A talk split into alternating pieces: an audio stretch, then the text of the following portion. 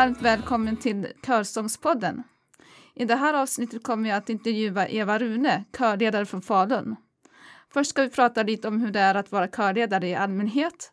Sedan avslutar vi med en presentation av Evas egen körverksamhet. Varför blev du körledare?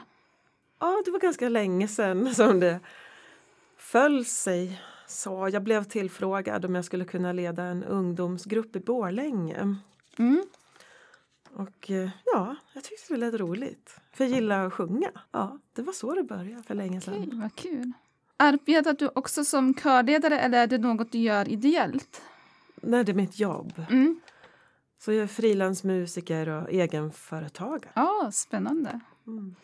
Vilken kör var din första kör? Ja, den här ungdomskören, det är ju den allra första. Då. Mm. Sen gick det rätt lång tid innan jag i Göteborg bildade en kör som he- hette Leila. Okej. Vilken utbildning har du? Jag är musiker och har gått på Musikhögskolan i Stockholm. Och min eh, examen är master. Okej. Brukar du arrangera låtar själv? Ja, ofta. Hur inspireras du i så fall till arrangemangen? Genom tips eller via Youtube eller andra kanaler såsom Spotify? Ja, eh, det är nog att jag bygger det på den här verksamheten jag själv har haft i många år då, som sångerska i a cappella-grupper. Mm. Och då har vi ja, i gruppen Irmelin jobbat ganska mycket med röstens olika lägen och arrangemangsmässigt så kan man jobba utifrån folkmusik. Mm. Det är det jag har min största erfarenhet från. Sen ibland kan jag kanske kliva åt sidan och, inspireras av annan vokal Mm. musik, hur den är uppbyggd. Ja. också. Hur tänker du kring kör och hälsa? Hur påverkar det kroppen tror du att vara körledare? Den mesta forskningen har handlat om körsångare och hälsa, men hur påverkas man som körledare? Jag tänker rösten, hjärnan. Ja. ja, bra fråga. Det var intressant att tänka på det. För att ja, Så länge man inte känner sig stressad Mm. över sina uppdrag så är det säkert bara hälsosamt. För det, det blir en väldigt positiv känsla Mm. kring övningarna, att träffas, att sjunga tillsammans. Ja. Så den positiva känslan den kommer jättemycket till mig. Också jag tycker väldigt mycket om mina dagar då jag ska träffa kören. Mm. För jag blir också glad av att göra det ja. och sjunga. Hur hör du kören? Uppfattar du alla stämmor var för sig eller tillsammans som i ett kluster? Ja, alltså som en helhet Mm. ofta. Och då kan man ju märka om det drar Mm. i den här helheten kanske om tempot eller harmoniken när den då blir, om jag kallar det då, suddig. Mm. Att man måste jobba med tydlighet och förtydliga någonstans där det finns oklarheter i någon enskild stämma eller något annat. Har du något favorittema? Ja, ja muntlig tradition då, Mm. tror jag är mitt favorittema. Olika typer av gehörsbaserad musik. Det är kul. Mm. Vad föredrar du som dirigent? Att kören har noter eller inte? Beror det på vilken kör du dirigerar och varför? Ja, det är olika för att jag har bo- både och då. Mm.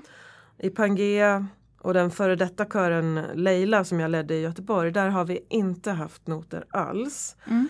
Och det är en styrka.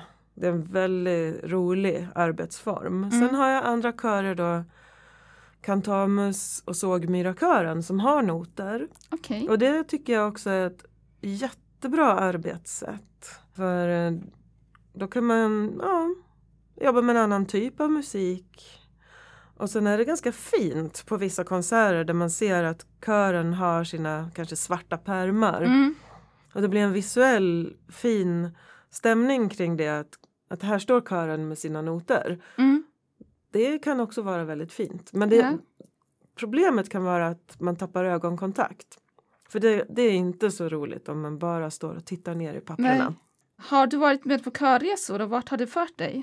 Jag har varit med på körresor och då har vi varit i Polen, i Frankrike och i, på Gotland. Mm. Men då var inte jag kördirigent Nej, utan då var jag solist okej. med körer. Ja, vad roligt. Även Tyskland, Berlin för ganska många år sedan. Mm. Ja. Hur tänker du kring kördagar? Vad bidrar det till? Blir det bättre sång och gemenskap? ja, det blir ju. För det är roligt att man får tid att äta lunch tillsammans och fika. Och jag tycker det är en jätteviktig del av körens aktivitet. Och um, på en kördag så kan jag som ledare också kanske ha ett särskilt fokus. Att vi ska ja, träna ny repertoar eller en viss repertoar eller förbereda oss för någon konsert. Mm. Vad förväntar du dig som körledare? Att man ska komma i tid, kunna låtarna, vara tyst under repetitionerna? Vad tycker du om småprat i kören? Nej, det är ganska jobbigt med småprat i kören. Med tiderna så tänker jag ofta att det är viktigt att, att jag börjar på utsatt tid. Mm. Så jag vill inte vänta då att börja fem eller tio minuter senare eller så. Det, det tycker jag inte känns så bra för mig eller för de som har kommit i tid. Nej. Men eh, om det då sen dyker upp folk som är sena då säger jag bara hej och välkommen. Mm. Så det är ju ah, då gör jag inte så stor grej av det för jag Nej. räknar bara nu har vi att göra med vuxna människor och de kommer sent av en orsak Mm. och det är upp till dem. Och det är tråkigt för dem att de har missat uppvärmning och start. Men jag lägger inte någon negativ energi på det och bemöta en sen ankomst. Nej. Så tänker jag då. Nej, men det låter bra. Ja. Men sen med tyst i kören när vi repar, det är ganska viktigt för mig för jag har också lite sådär med hörsel och, och Mm. koncentration. Det blir snabbt ganska mycket jobbigare om det inte är tyst på repen. Ja. Hur viktig är planeringen av repertoaren? Ja, idag efter att jag varit här ska jag åka och planera repertoar Mhm. med en körmedlem i Mm. Sågmyra. Så att, ja, det är ju roligt för både mig och för kören om, om man har lagt lite tid på det. Ja. Sen har vi haft vissa terminer både med Pangea och kören Leila att vi, vi bestämde att vi skulle inte ha något framträdande. Och det är en jätteskön arbetstid också. Att vi kan vara mer lekfulla och oplanerade. Då är det våran, det är bara våran stund, vi sjunger för vår egen skull. Vi gör roliga saker med rösten. Mm. Och det här behöver inte leda vidare till en konsert. Sådana terminer tycker jag behövs ja. ibland. Körens placering, hur viktig är den? Är det generellt bäst att stå blandat i stämmorna eller variera det efter körverk och låtar? Ja, när kören får en eh, trygghet och stabilitet och lite erfarenhet då kan det vara fint att blanda. Så att man kanske inte står stämvis. Och sen är rummen givetvis jättespännande och viktiga att, Mm. att utnyttja det rummet man befinner sig i och kanske stå längs väggarna eller stå utspritt på ett sätt som är mer ovanligt. Mm. Ja, det är ju bara... Jag tycker kören älskar det när vi Ja. gör såna saker. Så vi skulle nog ta mer tid till det. Låter spännande. Vad brukar man som dirigent få tänka mest på? Ja, att, att lära känna sin kör. Vad de själva behöver så att det inte blir för lätt och inte heller för svårt. Så man måste hitta den där lagoma nivån där ungefär majoriteten av körens medlemmar känner att vi jobbar med roliga utmaningar. Mm. För det är inte roligt om man känner att man misslyckas för Nej. mycket, att repertoaren är för svår. Och samtidigt tror jag också att, eller i och för sig jag gillar ju lätta låtar. För då kan vi gå in och jobba med dem på ett djupare sätt. Där man inte behöver fokusera så hårt på att pricka toner eller minnas text. Utan då kan vi jobba mera med känsla, med hundra andra aspekter av röstens möjligheter. Mm. Hur viktig är rummets akustik för en körledare? Är kyrkorummet det bästa eller finns det alternativ? Ja, alltså det är väl jättekul när man har bra akustik. Mm. Och man kan bli lite bortskämd om man har det alltid. Och sen om man då har ett rum med jättetorr och så akustik. Det är klart att det är en liten kamp kanske. Men då om man har verkligen kämpat sig igenom det så kan det sen öppna upp när man får komma till en bra akustik och höra wow. Vad häftigt, Mm. vilken upplevelse. Och sen var vi utomhus på pandemitiden. Mm. Vid Stångtjärn är det en jätte, jättespeciell och fin akustik utomhus. Och det var så nyttigt att jobba med det och känna att vi är röster i ett större rum. Och om vi låter så här eller så här så förändras gensvaret och responsen i naturen. Mm. Så jag tyckte det här var så bra. Vi ska försöka behålla den erfarenheten och ta med oss in i vanliga rum efter pandemin. Häftigt. Mm. Vad har du för estetiska ideal, till exempel i fråga om genre, koreografi, det visuella eller röstmässigt? Ja, jag tar massor med inspiration från andra körer Mm. som jag själv går igång på. Mm. En av de körerna finns på Cypern och heter Amalgamation Choir. En damkör. Och de jobbar, tycker jag, i framkant med det sceniska och det musikaliska. Det rör sig ju kring traditionell musik från det området i Medelhavet. Men deras sånger kanske liknar vårt nordiska lite grann i vissa aspekter och jag blir bara jätteinspirerad när jag lyssnar på dem. Men det är bara ett exempel för jag har många, många fler körer som jag Mm. hemskt gärna lyssnar på. Georgisk musik tycker jag mycket om just nu. Ja. Du har fått välja två låtar att ha med i den här podden. Vilka är det och varför blev det det? Ja, det var en uh, stjärnspelsvisa eller stjärngossevisa från Värmland. Mm. Eda i Värmland. Och Den heter Vår stjärna nu ej längre kan stå. Mm. Den har vi sjungit med Kantamus. Vi gjorde ett samarbete med Irmelin och Kantamus. Mm. Och då var den med tror jag, som slutlåt. För det är ju också en avskedssång. Ja. Och det är en sån här, den passar jättebra att ta i kanon. Med enkla stämmor så kan den bli väldigt eh, maffig. Fast det är en sån här liten kort kompakt visa. Mm.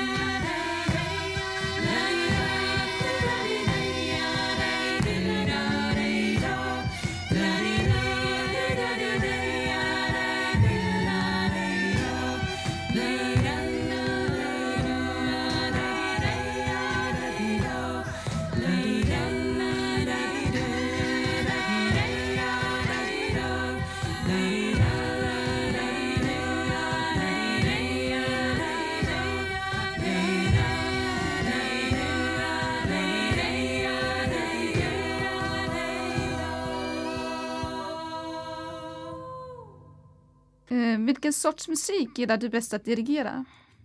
Ja, den musiken där jag eh, själv egentligen kan vara en dirigent som står inne i kören. Om vi säger vi står i en vid halvcirkel så kan jag stå längst ut på ena kanten och dirigera lite lätt Mm. därifrån. Ehm, så då vill ju musiken den måste vara lite självgående också. Att de ser mig i ögonvrån lite grann. Jag kan styra starter och avslut och vissa partier i sången. Men att vi, vi har repeterat den så mycket och så bra så att den rullar på. Ja. Hur gör du som körledare för att få till en bra samarbete mellan dig och kören? Sker det när ni gör uppvärmningen eller sker det per automatik? Ja, redan i uppvärmningen där börjar ju... Jag sätter an Mm. ett sorts samarbete. Och eh, jag kräver nog lite av mina deltagare att de också tar lite egna initiativ. Mm. Det, det kan nog upplevas svårt för en del som har sjungit med andra körledare som inte vill göra så. Mm. Men, ehm, och det kan hända att det, det framgår redan under uppvärmningen. Att, eh, ja, man får väl ge vissa ramar och sen ge en frihet inom de ramarna om man nu vill ha lite inflytande från kören. Ett givande och tagande. Mm. Om det kommer impulser från kören då brukar jag ofta bejaka dem. Kul. När det gäller om de gillar en uppvärmningsövning. Då vill jag gärna att de bidrar med den. De får gärna lära ut den Mm.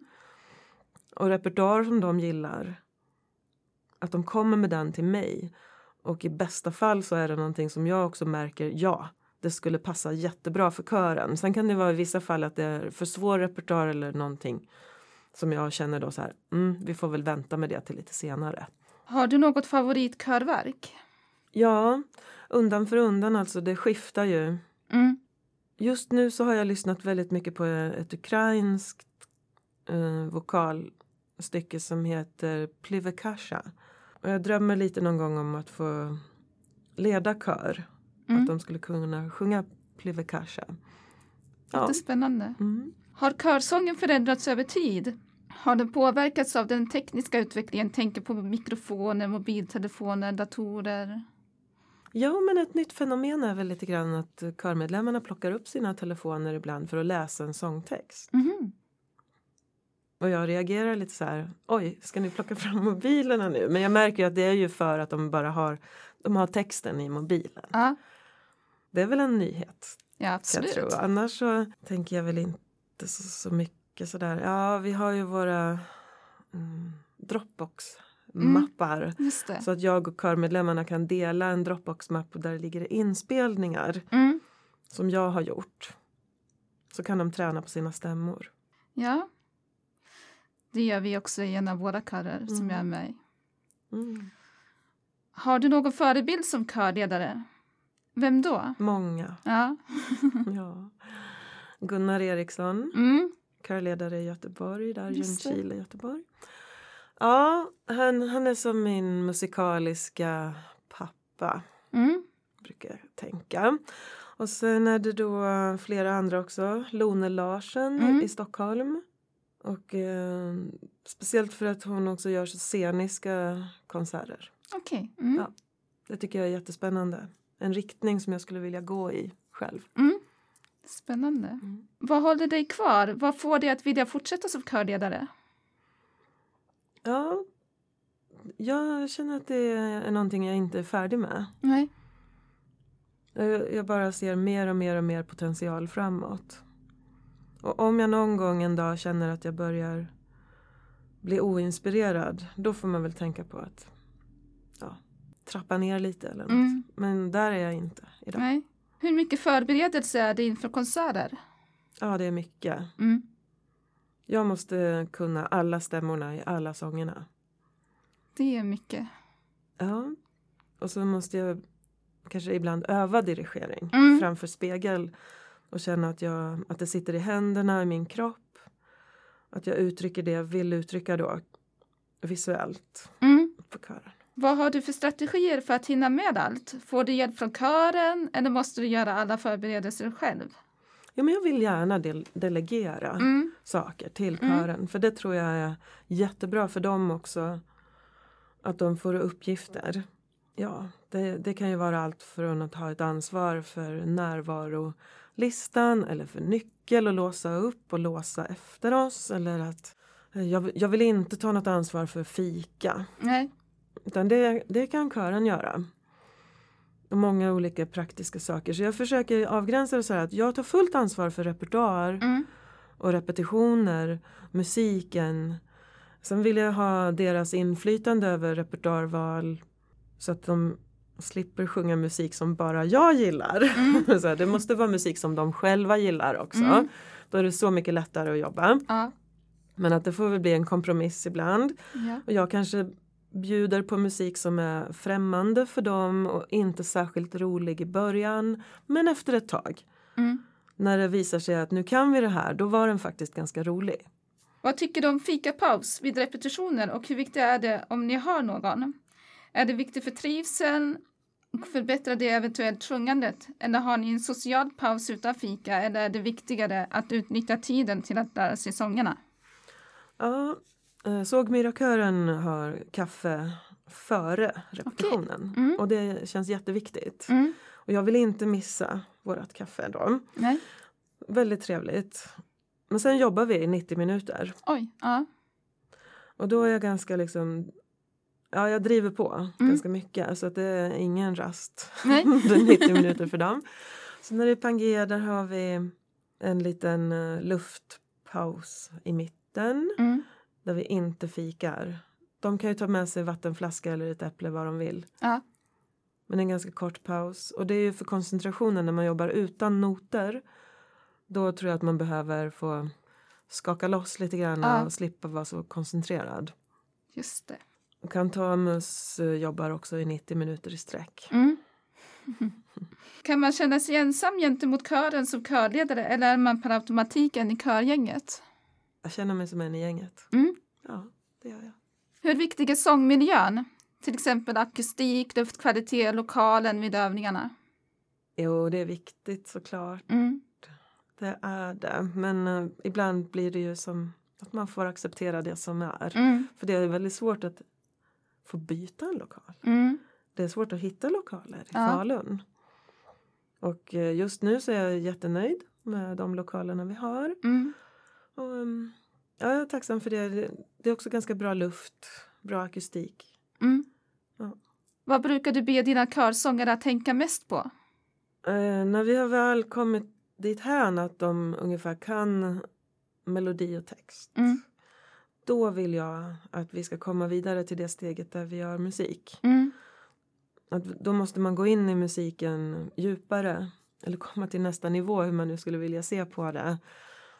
Att det blir lekfullt, att det blir dynamiskt och tempodragningar och att, att vi berättar någonting. Så att det där med att berätta, vad är det vi vill säga med den här sången? Det där berättandet återkommer jag till ganska ofta. Mm. Är det viktigt med huvudklang när man sjunger eller är det olika beroende på musiken man sjunger? Ja, det beror helt på musiken man Mm. sjunger. Så vi använder väl olika sånger där man kanske ibland prioriterar bröströst mer Mm. och ibland huvudklang mer. Vissa av våra sånger är det väldigt fokus på konsonanter, så mycket av folkmusiken. Och i andra sånger vill jag ha vokalerna i centrum. Vi jobbar med vokaler och överklanger. Så det är jätteskiftande med vilken energi man vill att den här sången ska ha. Mm. Hur svårt eller lätt är det att ge konstruktiv kritik? Är det något man gör enskilt eller är kören med på att man tar kritik under övningen? Jag jobbar ju väldigt mycket med positivt förstärkande Mm.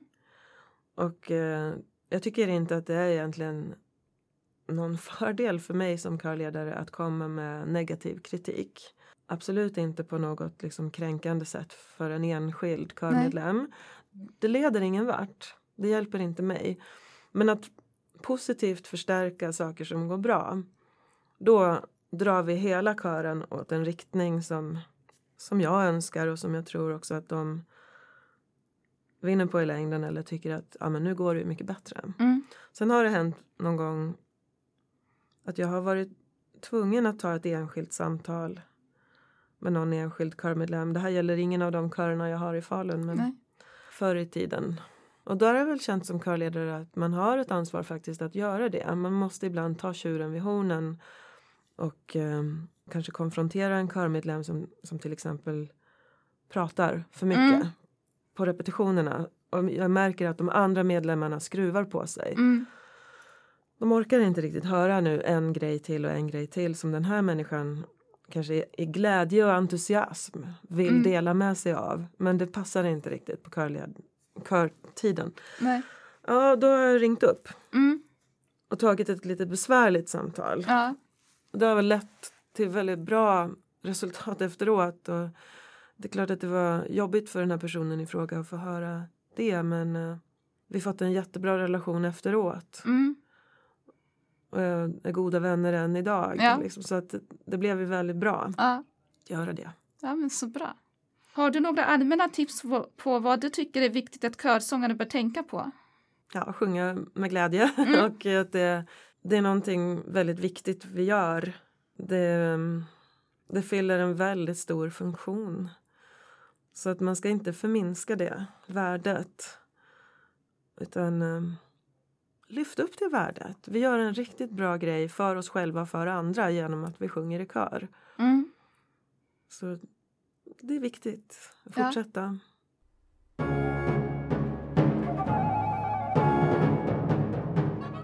Vad är konceptet med din kör Pangea? Jo, den har en tydlig inriktning på att sjunga internationellt. Mm. Det ska vara på olika språk. Mm. Från olika länder. Och sen är det en annan viktig grej där. Vi använder inte noter. Och därför jobbar vi med repertoar som går bra att träna in med att härma. Mm. Det betyder ofta att de är kortare. Inte lika många verser kanske. Det räcker med att man lär sig vers 1. Att sången inte är för lång. Givetvis kan man öva in vers 2, vers 3, vers 4 om man vill. När man behöver det. Men alltså, det finns väldigt mycket körmusik man kan göra med små, korta, kompakta Mm. visor. Och sen jobba med flerstämmigheten utifrån metoder. Många av metoderna har jag från Gunnar Eriksson som har byggt upp ett eget musikaliskt universum kring sådana saker. Eh, han bygger sina grejer på minimalismen, på folkmusik, att sjunga i kanon, att kombinera två sånger med varandra. Så att det går att skapa väldigt komplex och spännande musik med de här små, små modulerna. Någon form av konceptmusik då. Och det gör vi i Pangea. Mm. Kostar det något att vara med? Vad får man? Ja, det är en medlemsavgift och Pangea är en förening där man eh, ja, erlägger en terminsavgift och, eh, och, och då är man med i föreningen. Mm. Det finns en styrelse och allt sådär men det, det innebär att man får ju 15 körrepetitioner per termin Mm. och eh, det ingår väl också några framträdanden. Ja. Vi har trallat i dans, vi har varit med på körslaget hos pastor Råsmark i Boda. Ah, vi har varit med på Falu kördag ute på stan Mm. och sjunga på gatorna. Sådana saker gör vi. Trevligt. Hur är organisationen uppbyggd? Ja, det är en styrelse och det är jag som körledare.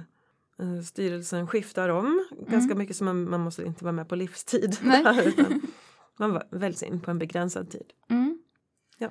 Har ni någon hemsida där man kan kontakta er om man vill vara med? Oh, ja, vad bra. Eh, vi finns i alla fall eh, på Facebook.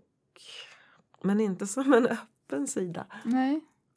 Och vi har ingen hemsida. Nej. Men det går bra att kontakta mig till exempel. Ja. Ja.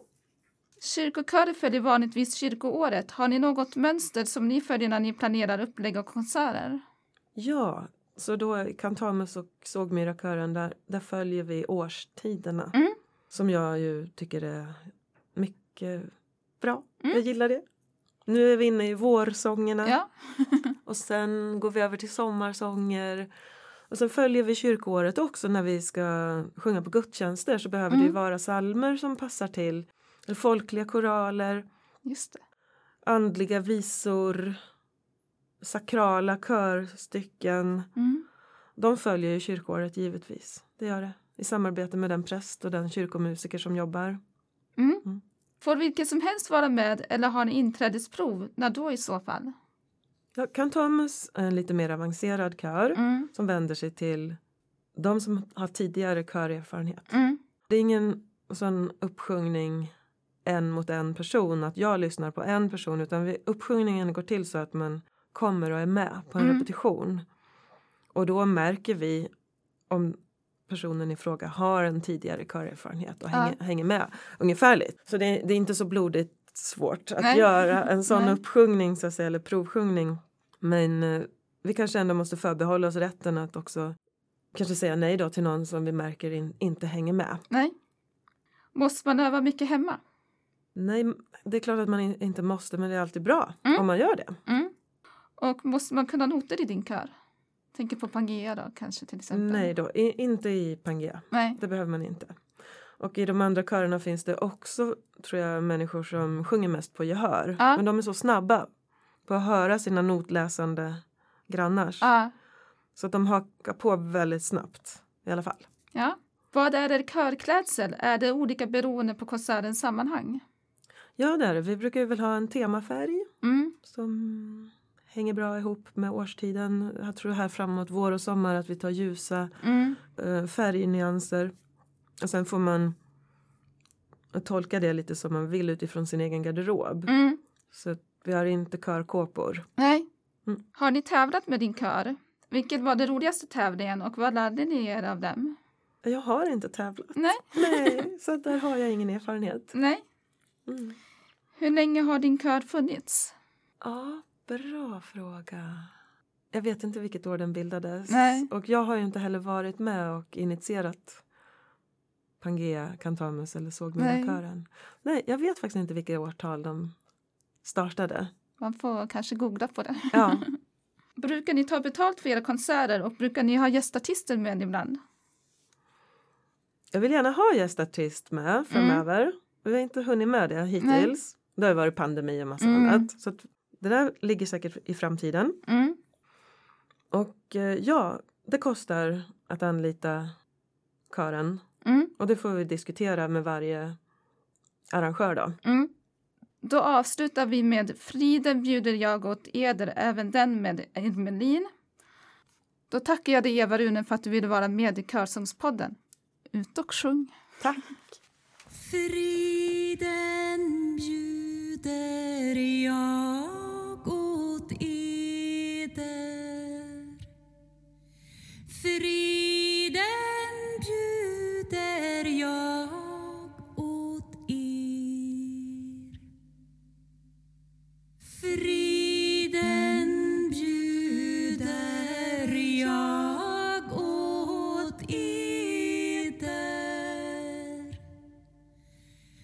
eder Friden